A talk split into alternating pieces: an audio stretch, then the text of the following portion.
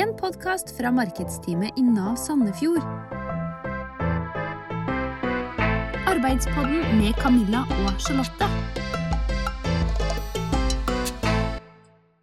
Vet dere det, at eh, produ produktene til Fersk og ferdig, de lages her i Sandefjord? Eller de nye, gode asiatiske rettene Mingles? For ikke å snakke om alle kjøttkakene du kjøper på Meny. I dag er vi så heldige at vi har med oss eh, Kristine Abrahamsen, som er eh, HR-leder på Matbørsen her i Sandefjord. Takk for det.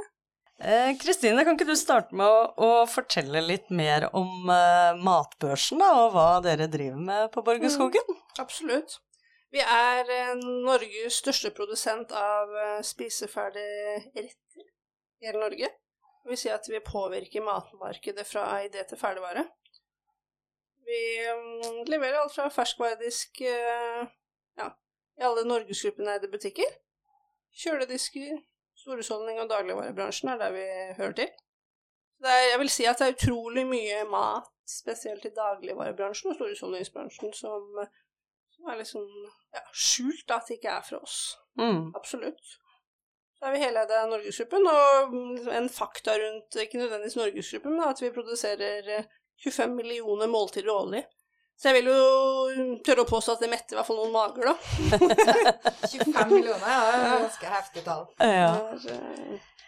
Men da ble jeg også litt nysgjerrig på, da, i, i produksjonslinja. Hva, mm. hva, gjør egentlig en som jobber i mm. produksjonslinja innenfor næringsmiddel? Jeg kan jo ta for meg mm, verdikjeden i produksjonen vår, da. Mm. Som uh, går først og fremst fra at råvarene våre kommer inn i varemottaket vårt.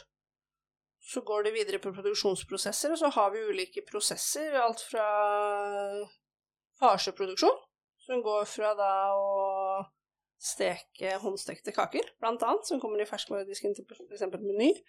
Så har vi også en produksjonsprosess som går over linje, hvor vi lager farsekaker, da. Ja. Så har vi suppeproduksjoner, vi har produksjoner av ferdiggryter, blant annet.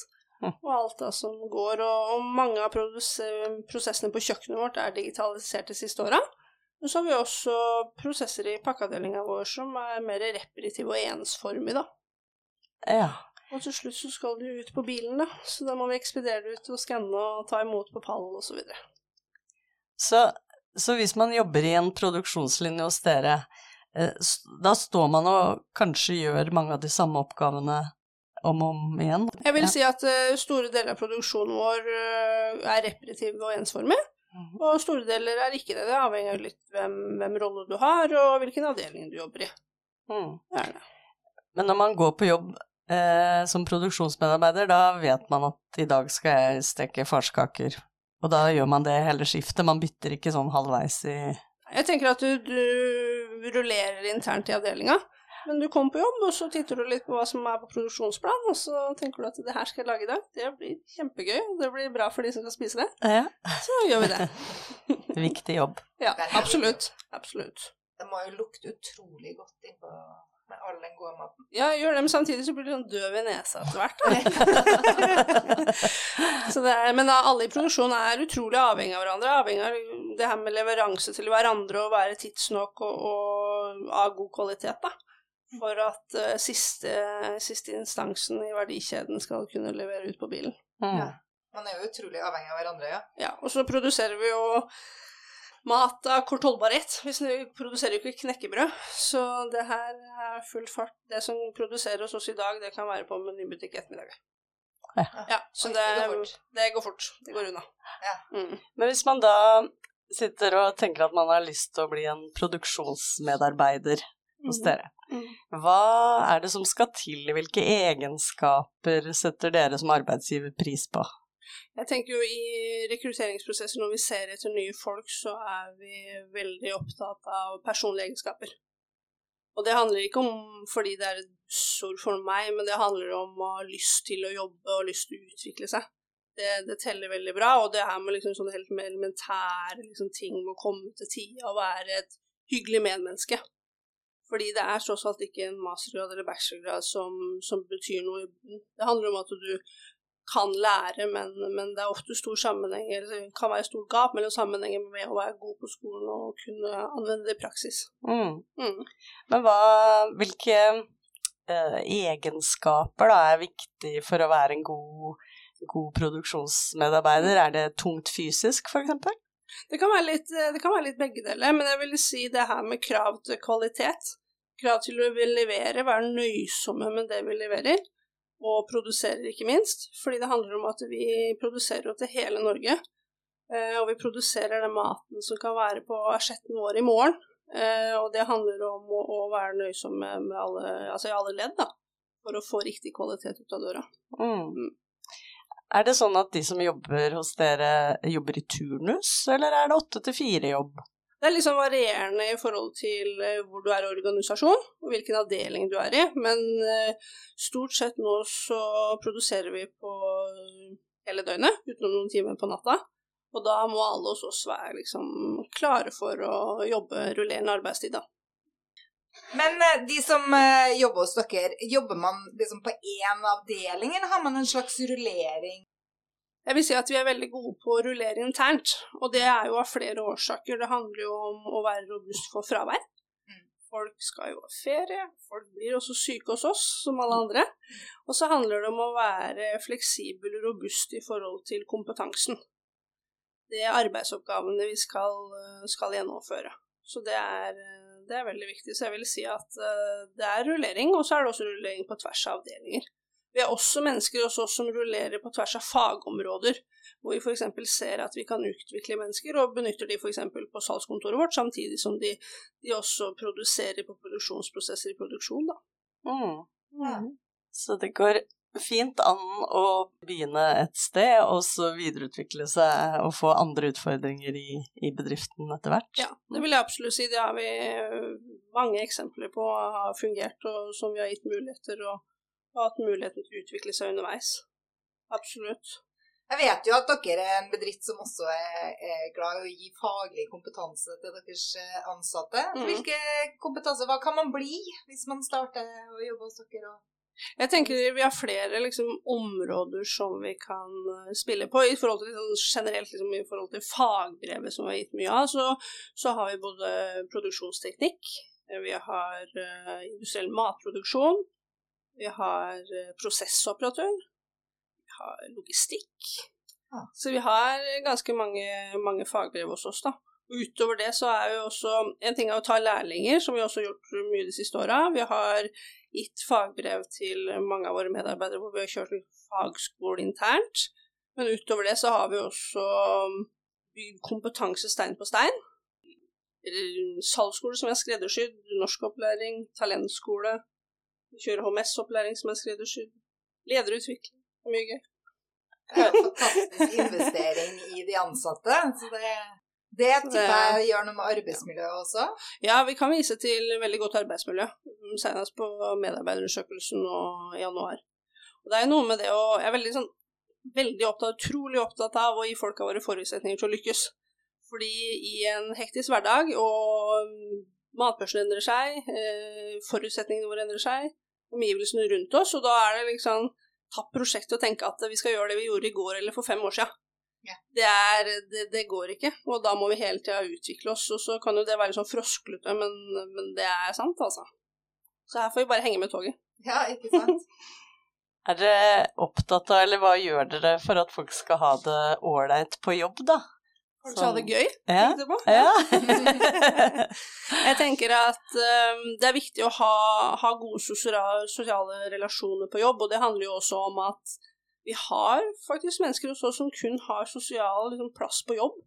Og det å, å, skape de små sosiale arenaene som Altså, vi har en ansatt kantine, vi har ansatt butikk, når det var kvinnedagen nå i mars, så ga vi tulipaner til alle jentene.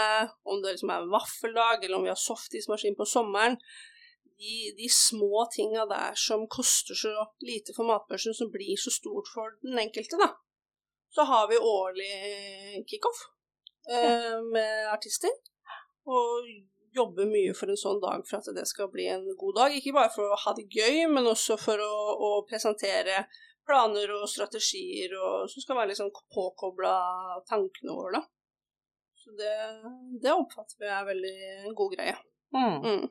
Veldig smart å investere sånn i de ansatte. Det, Og det gjør troa på det. Ja, absolutt. Ja. Men er det noe sånn eh, er baksiden av medaljen her, da? Har dere noen kjipe dager på jobb, eller? Ja, absolutt. Det er ikke rosenrødt hos oss hver eneste dag heller. Vi, vi har jo Vi er jo mennesker alle sammen. Og det er jo klart at vi har jo Vi er jo 200 mennesker. Fordelt på 26 forskjellige nasjonaliteter, og 42 år er liksom gjennomsnittsalderen vår. Så er det 45% jenter. Så det er klart, det finnes jo ting hos oss også, hvor vi også må ta på kammerset. For det, er- handler jo om, også Det tenker jeg ikke handler om nasjonalitet engang. Det handler jo om uh, Du har 200 mennesker som ser uh, verden med forskjellige briller.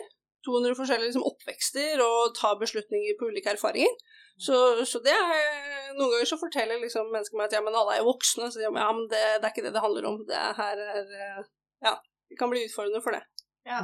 Men vi forsøker å være veldig gode på å liksom ta de tinga som kommer med en gang, da. Ikke la det liksom vokse og gro, for da kan ofte noe små, veldig lite bli til noe stort.